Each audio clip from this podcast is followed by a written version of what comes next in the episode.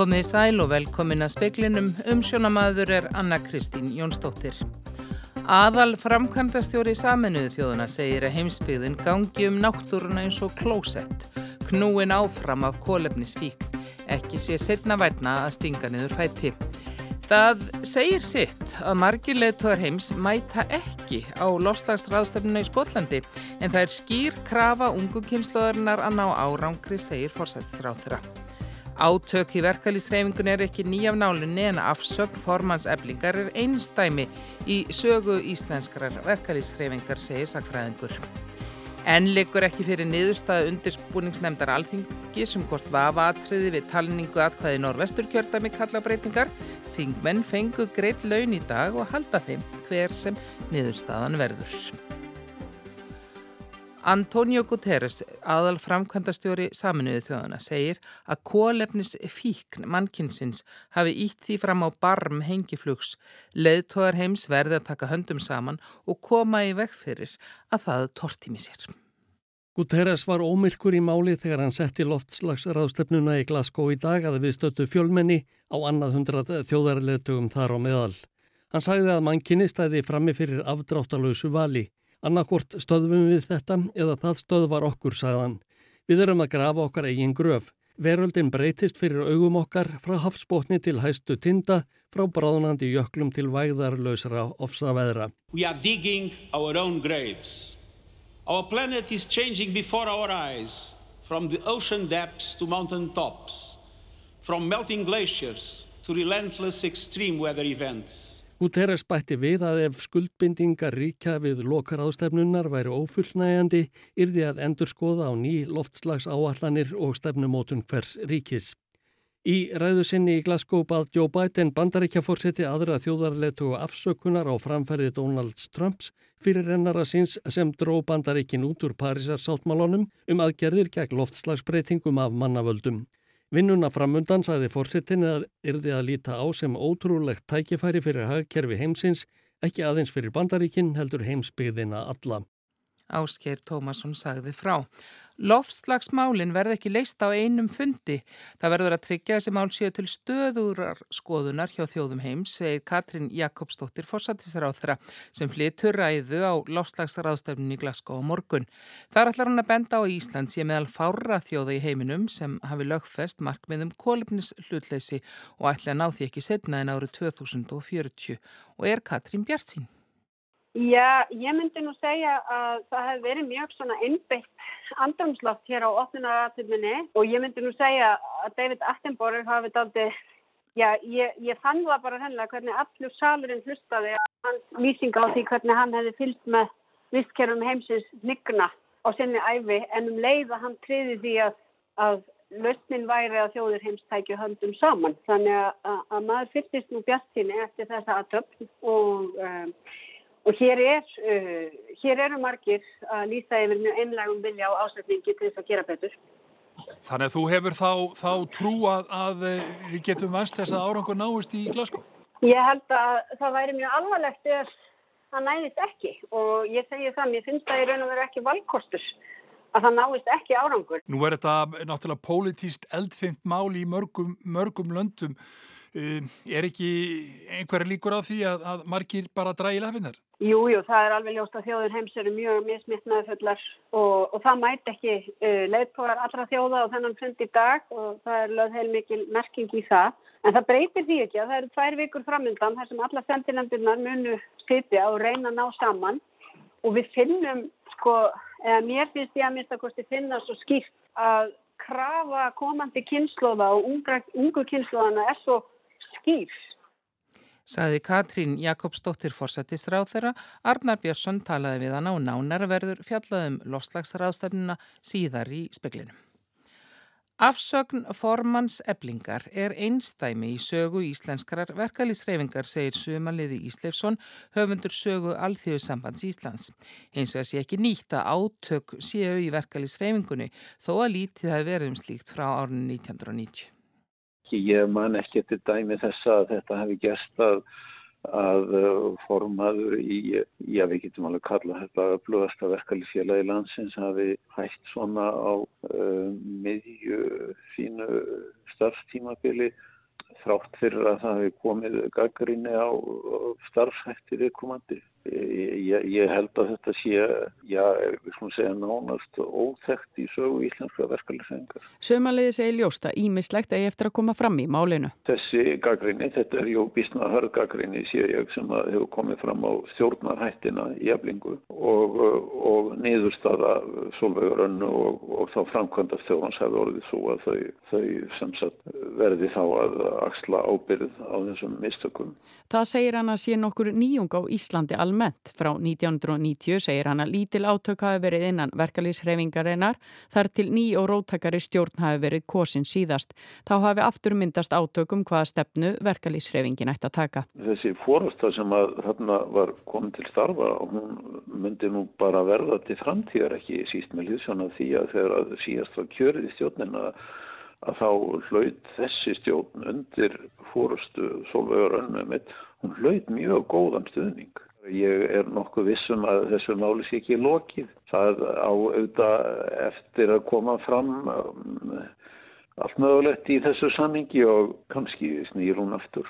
En hvernig sem fer segir sumaleiði að leiða þurfu til líkta deilur um starfsætti á vinnustad eblingar.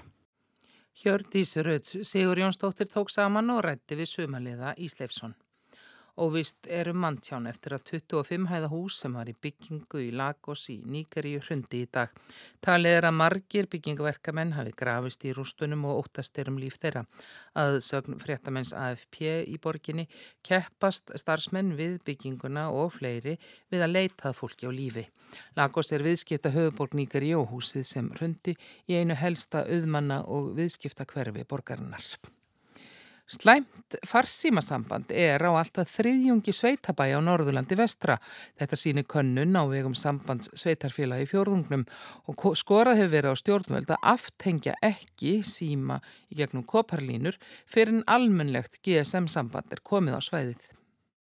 Við gerð samgöngu og innvið áallunar Norðurlands vestar árið 2019 gerði SSNVAF konnun á fjarskiptasambandi í dreifbíli þar sem útbreðslu kort símafyrirtækja síndi ekki rétt að mynda raunverulegu sambandi.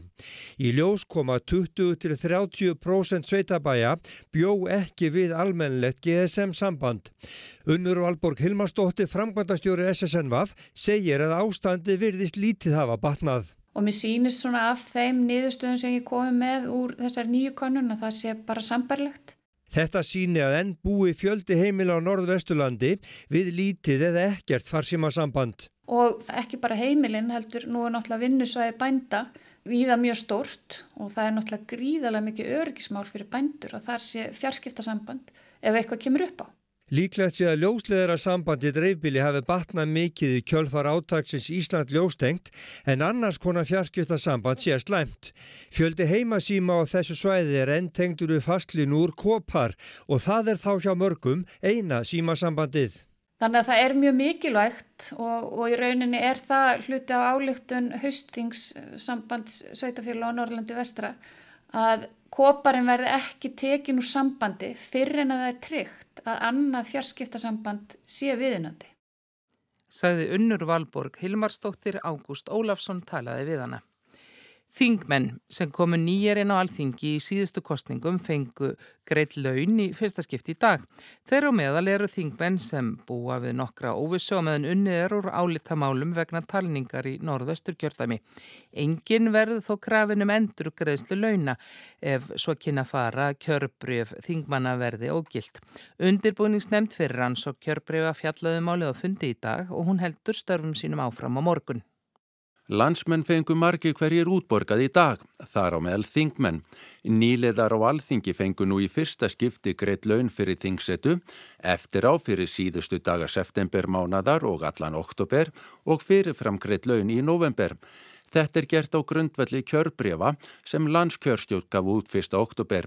Sú útgófa var byggð á lokatölum sem yfir kjörstjórnir gaf út eftir kostningar. Þar á meðal voru tölur úr endurtalningu atkveði norvestur kjördæmi sem deilt hefur verið um alla tíð síðan. Undirbúningsnemnd alþingis fyrir rannsókn kjörbrefa er ennast störfum, en er nokkuð í að nýðurstaða nefndarinnar líki fyrir. Í svörum frá skrifstofu alþingi segir að launagreðslur byggist á útgáfu kjörbrefa frá landskjörstjórn. Kjörnir fulltrúar teljist því þingmenn þó svo kjörbrefa nefnd alþingis hafi ekki staðfest kjör þeirra. Ef niðurstaða rannsóknar alþingis á framkvæm kostingan er þið svo að ógilda þyrti kjörbref einhverja þingmanna á grundvelli mats á þingkostningum, halda viðkomandi því launin sínum og verða ekki krafðir um endurgreðslu. Brynjálfur Þór Guðmundsson tók saman. Talsvert hrun varði í Norðfjörðargöngum í háttegin í dag og eru göngin sem liggja melli Eskifjörðar og Neskjöpstaðar lokuð. Gömlu Otskarsköngin voru á sjötta tímanum opnu fyrir umferð minni bíla en stórir bílar mega ekki fara þar um. Vegurinn um Otskarð hefur verið mókaður en vegagerinn bendir á að einungist þeir sem nöðsynlega þurfa að komast á milli eiga fara þá leið. Lofslagsráðstefnan í Glasgow er formlega farin af stað. Óreiða enkendi ráðstefnu vettvangin í morgun og eftir hádegi fóru ráðmenn svo að viðra stefnumálinn. Arnhildur Haldanadóttir rindi í þessa margu slungnu ráðstefnu sem kent hefur verið við COP eða COP26. Alok Sjarma, fórseti COP26, lofslagsráðstefnu saminuðu þjóðuna, setti ráðstefnuna formlega í Glasgow í gær og saðist meðvitaður um ábyrð sína. Friends, I'm very aware of the responsibility placed upon me in this role. And I do not... Hann bauð sendinemndir velkomnar og sagði að þó ráðstefnunni hefði verið frestað um ár hefðu lofslagsbreytingar ekki tekið sér neina pásu.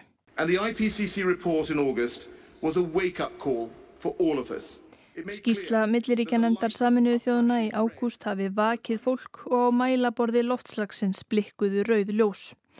Ekkert nýtt svo sem, en ákveðið klísjuþól er mikilvægt ætli fólk að fylgjast með loslasmálunum.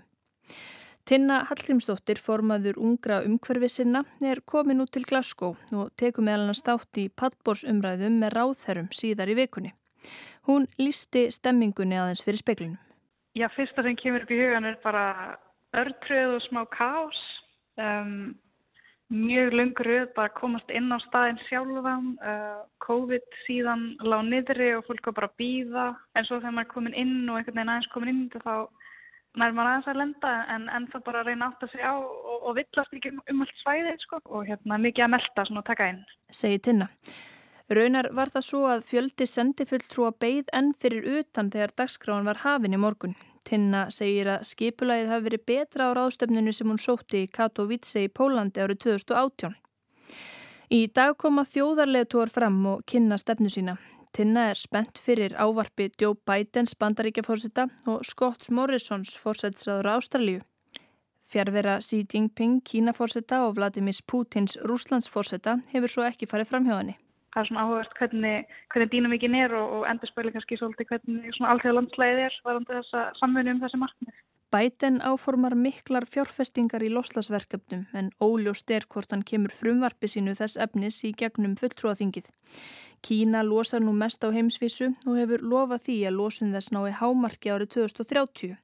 Stjórnvöld þar telja að vestranríki sem bera mesta sögulega ábyrð á vandanum eigi að draga hraðar og losun til að veita nýmarkasríkjum svigurum til þess að losa og vaksa áfram um skeið og Indland er sama sinnis. COP26 má kannski líka við leiksvið þánga streyma ímsar personur, prinsar, vísindamenn, sendifulltrúar, aðgerðasinnar, trúarleðtúar, listamenn, ráðherrar og forstjórar fyrirtækja.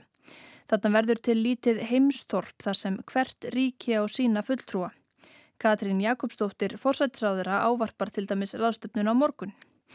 Og leikritið sem fer fram á þessu leiksviði, það er margslungið, fjallar um tilvistar kreppu mannkins, jáfnvel baráttu góðs og íls, um lovorðaflaum, peninga, völd og valdaleysi, skamtímahagsmunni og langtímahagsmunni.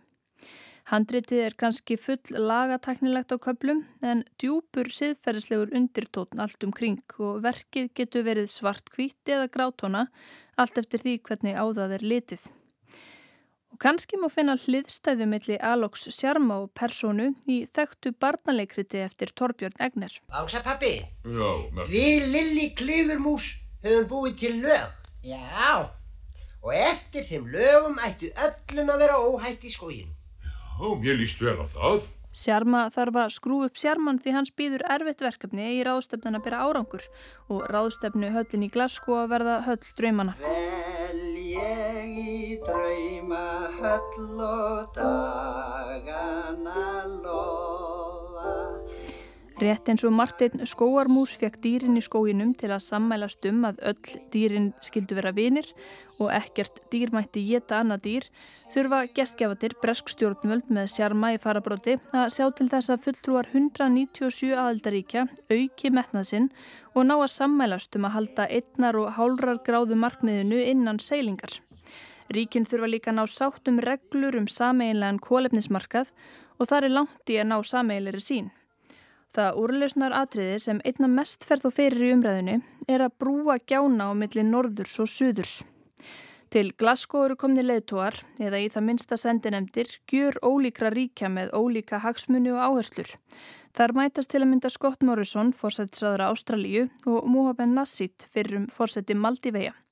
Morrison fer fyrir þjóð þar sem losun og íbúar með því mesta sem gerist. Hann ætlaði fyrst ekki áraðstöfnuna en let undan þrýstingi. Í farteskjunu er hann með óljós markmið um kólefnislutleis árið 2050 en markmiðin fyrir árið 2030 hafi ekki verið uppfærð og hann ættar að rík halda í kólaverin. Nassít frá Maldivegjum og fleiri leðtóar berskjaldara ríkja sem stundum er líkt við samviskur ástöfnunar hafa alltaf aðra sín. Þau byrja litla sem enga ábyrð á vandanum en eiga áframhaldandi tilviss sína alfarið undir því að það hlýn ekki um meira en einu hálfa gráðu og fyrir því markmiði eru þau tilbúin að berjast. Ekkert dýr má geta annað dýr og þá mega hinn ríku valla sökva hinn um fátæku eða hvað. Nassit fór mikinn í viðtali við Breska ríkisútvarpi í dag. Hann var vonsvikinn með niðurstöðu fundar G20 ríkjana í Róm. Leðtóaríkjana sem samanbera ábyrð á 80% losunar á heimsvísu fengust ekki til að sleppa alveg hendinni af uppbyggingu nýra kólavera. Sumum fannst jákvægt að þau lofiðu kólefnis hlutleysi fyrir miðja öld og héttu því að grípa til aðgerða á næstu 8 árum til að halda hlínun innan við 1,5 gráðu. En leðtóar fátakari ríkja sögðu að orðum þyrtu að fylgja skýrar áallanir og þær vantaði. Þessi ríki vilja efna mér í þjóðir standi við lofur sínum að verja 100 miljörðum bandaríkjadala á ári til að styðja við aðgerðir og aðlugun þar, þó að það megi ekki verða friðþæðing fyrir því að yfirgefa einnar og hálrargráðumarkmið og halda áfram að losa. Ríkuþjóðuna lofuði árið 2009 að frá árunni 2020 er þið árlegt framlag þeirra svo hátt en emdirnar hafa látið á sér standa og raunar ekki útlitt fyrir að markmiði náist fyrir en eftir tvö ár. Nassit myndi viðtalinu við BBC á að Maldivegar hafi þegar mist eiguna Ba'a Atoll sem var á skrá UNESCO yfir mikilvægar náttúruminjar. Landar hans væru að missa landið sitt, lífsviður væru og jafnvel lífið sjálft og vestrænu ríkin er það horfast í augu við að þau væru ekkit örug heldur. Þetta væri ekki fjarlægt vandamál brúns fólks á litlum sorglegum eigum í Indlandshafi. Flóðin í Þískalandi sumar berið því vitni. Hann hefur litla trú á reglunum sem samningur saminuðu þjóðanum loslasmál byggir á í dag. Það er fel í sér að þeir sem minnstan metnað hafa ráðum margt fyrr því allar þjóðir þurfi að sammælast um ákveðna niðurstöðu. Niðurstöðu sem oft vilji verða lægsti samnefnarinn. Morrison, fórsætsræður að Ástralju, fer líka í taugarnar á Nassit. Hann hefur líst í yfir að það gæti eftir neikvæð áhrif á störf fjölda fólks að setja marki við einu halva gráðu. Nassit segir þennan málflutning geðra við geðveiki. Eina leiðin til að halda í störf sé að grípa til aðgerða í loslasmálum. Húnum er heldur ekki mikið um sjónar með kínveri gefið, segir að þó Evrópubúar hafi ítt heiminum að brúninni eigi Kína engan rétt á að ítónum framafenni, sérstaklega í ljósi þess að aðrir valkostir en jarðarneðelsneiti standi til bóða. Breska fóristan þurfi að hans mati að taka skýra afstöðu með varnarlausustu ríkunum. Á leiksviðin í Glasgow er ekki bara ráðamenn. Það eru líka fulltrúar félagarsamtaka eins og Tinna og aðgerðasinnar eins og Greta Thunberg sem ekki var bóðið að ávarpa ráðstöfnun í ár. En hún ávarpaði fólk á götum út í dag, sagaði ráðamennina inn í ráðstöfnuhöllinu um hræstni og sagði hinn að raunverlu leiðtói ekki þar, heldur úti á meðal fólksins. Change is not going to come from inside there. That is not leadership. This is leadership. This is what leadership looks like. Frá háttskrifuðum í höllinni komi engar breytingar og hún segist komið með nóg af kæftæði, ránirkju og misnótkun já hverju því í fjandanum sem ráðamennir væru að gera þarna fyrir innan.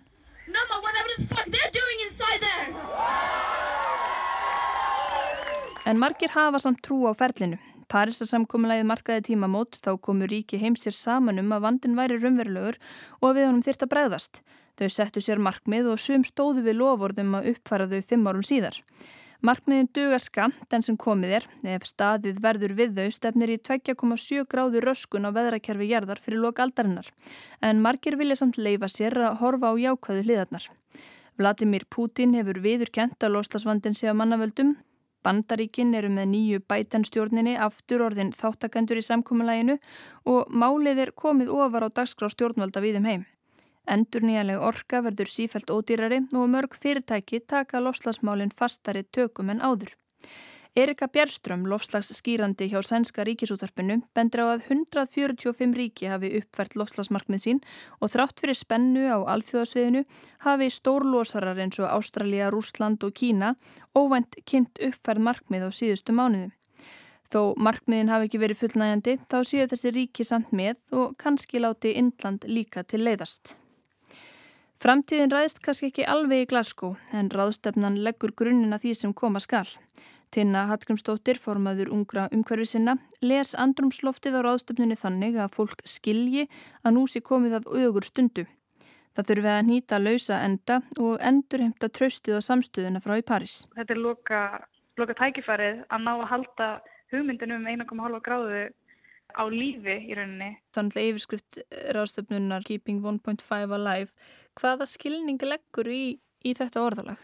Það er í rauninni það að við vitum að ráðstöfnan, við getum ekki gert ráð fyrir það að þessi ráðstöfnan muni tryggja algjörlega að við náum uh, takmarka hlínu við einu hálfa gráðu.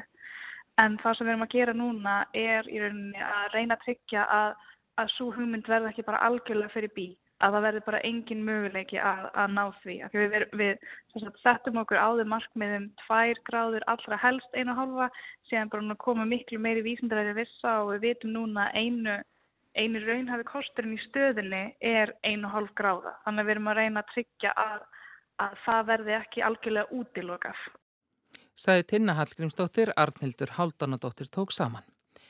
Morðið á sænska rapparanum Einar hefur vakið hörðu viðbröð í Svítjóð en það er þó aðeins eitt af 21 morði í skotarossum í Stokkólmi þar sem aðver ári. Hon är katten i trakten, hon lyser upp hela natten Det är ett plus ett, hon kan matten Hon är inte fin, hon är vacker Hon är inte goish och behöver inga ögon i nacken Men om hon kommer och testar då jag får ner han på backen Það var með þessu lagi, Katten í trakten sem Níls Grönberg varð frægur á einni nóttu hér í Svíþjóð undir listamannsnafninu Einar. Hann var þá aðeins 16 ára gammal. Tónlistablaðamenn hér í Svíþjóð hafa lofsungið hann fyrir hraða og flæði en það hefur hann verið að rappa frá því að hann var um 10 ára gammal. Lægið varð eitt að vinsælasta það árið í Svíþjóð og valið lag ársins af útvarstöðinni P3. Á sænsku grammiverlununum árið eftir var Einar valin nýliði ársins og besti rapparinn Þegar tónleikaferðalagi sem tilstóða þann færi í var aflýst vegna COVID, lokaði hann sig inn í hljóðveri, laungum stundum og tók upp tvær plötur á mjög skömmum tíma. Í sænsku rappsennunni er orðið stúdiobandit, stundum notaðum rappara sem segjast lifa glæpalífi en eru bara að þykjast. Síðustu ár hafa glæpir, dóp og ofbeldi orðið sífælt meira ábyrrandi í sænsku hip-hop-sennunni og það gildir að vera alvöru. Í myndböndum og samfélagsmiðlum tengdum einar og fjölmörgum öðrum sænskum rappurum er mikið um dóp, skart og bíla, glímuklæta menn og skotvopn. Og oft hótanir bæði í látbræði og í textunum.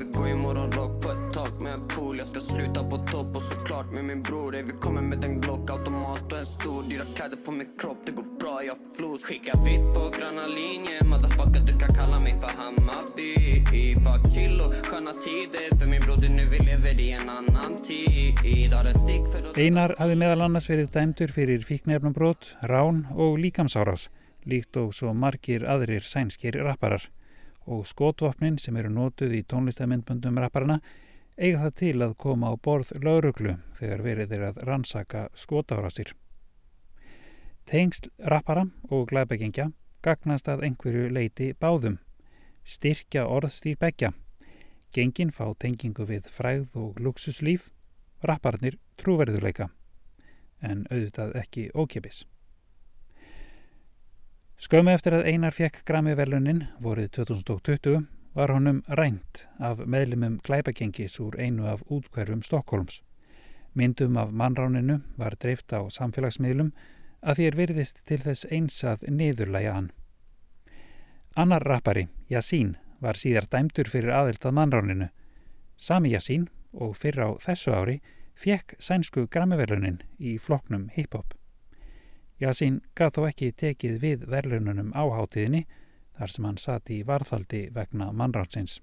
Du kan inte vara i trakten min om du inte härifrån, härifrån Klart att jag får paranoia varje gång jag taggar härifrån, härifrån Du kan inte vara i trakten min Ekki kom í hverfið þitt ef þú ert ekki hérðan og auðvitað verði nájaður í hvert skipti sem ég fer út fyrir hverfið. Það er nokkur neginn það sem Yassín segir í viðlagi þessa lags en það segja fréttaskýrindur að skærustu stjörnur sænska glæparapsins séu raun alltaf á flótta, sofi sjaldan lengi á sama stað. Sjálfur vildi Einar aldrei ræða mannránið við lauruglu og hann gerði lítið úr því meðal annars á Instagram. Ja, en sak att säga till er bara. Alla där ute kan bli kidnappade, alla där ute kan bli slagna, alla där ute kan bli, jag vet inte vad brorsan, men Benny man mår bra, jag ser, jag är liv och ingen kan göra det jag gör så jag, jag kommer fortsätta så länge jag står på benen brorsan. Ég ætla bara að segja eitt. Hver sem er getur lent í því að vera rænt, vera lamin, hvað sem er. Ég hef það gott, ég er lifandi og enginn getur gert það sem ég geri og ég ætla að halda áfram eins lengi og ég er uppistandandi, sagði Einar. En það þurfti ekki hans vitnisspurð til að leiðtúar gengisins væru dæmtir í fangelsi, meðal annars fyrir mannránið en einni fyrir morð og aðra alvarlega glæpi. Sönunagögnin voru aðalega dölkóðaðar spjallar á sér sem lauruglan hafi komist inn á. Ófriðurinn hefur samt haldið áfram. Nýlega var komið í veg fyrir sprengjutilræði við íbúð fólks sem stendur einar nærri og hann sjálfur og vinir hans eru sagðir tengjast nýva árás fyrir þessu mánuði. Lauruglan hafi lengi metið það svo að einar væri í mikilli hættu og hafi meðal annars komið til hans skotheldu vesti sem hann þó ekki var í kvöldið sem hann var myrtur. Morðið valdi mikla aðtegli, sorg og neykslan. Ja, det är klart. Det är en tragedi. Ett, ett uh, ungt liv som släcks. Det är alldeles för många liv som släcks i, i spåren av den här gängkriminaliteten. Vad jag förstår så är det det det handlar om. Þetta er hryllilega sorglegt að svona margt ungt fólk skulle missa lífið í tengslum við glæpagengi, saði Stefan Löfven og lofaði að vinna áfram að því að styrkja laurugluna og dómskerfið og líka að vinna í forvörnum og stjórnaranstaðan krafðist harðæri aðgerða. Morðið á einar er þó aðeins eitt af 21 morði með skótvöfnum það sem afir þessu ári aðeins í Stokkólmi og nákvæmni. Um 100 skótárasir hafa verið gerðar á svæðinu á þessu ári. Í Svíþjóði heild hafa um 40 látið lífið og hátt í 80 til viðbútar særst í um 250 skótárasum á þessu ári. Laurugla hefur nú yfirheirt vel yfir 100 manns í tengslum við morðið á einar, en engin er grunaður enn sem komið er. Það er oft erfitt að fá upplýsingar og fáir sem vilja vitna þegar kemur að gengjaofbeldi hér í Svíþjóð. Við þetta bætist að morðin eru oft framinn af einhverjum sem er ekki í beinum átökum við þann myrta. Glæpagengi fá önnur gengi til að fremja ódæðin fyrir sig, til að erfiðar að sé að finna hinn seka og borga síðan með peningum eða gjalda greiðan með því að fremja annað morð þegar hitt gengið þarf á að halda. Það er því kannski ekki að undra hver fá mál eru upplýst. Rannsóknir á morðum og morðtillunum í skotárusum á árunum 2016 til 17 leitu aðeins til ákjæru í um 15% tilfella. Í um það byrj einu af hverjum 6 til 7 málum var einhver ákjærður fyrir ótæðið. Þetta er Kári Gilvason sem talar frá Gautaborg. Og veðurhorfur eru þær að það verður norðlag 8, 8 til 15 á morgun og víða væta norðan og austan til hiti breytist lítið. Fleira er ekki í speklinum í kvöld. Tæknimaður var Magnús Þorstein Magnússon veriði sæl.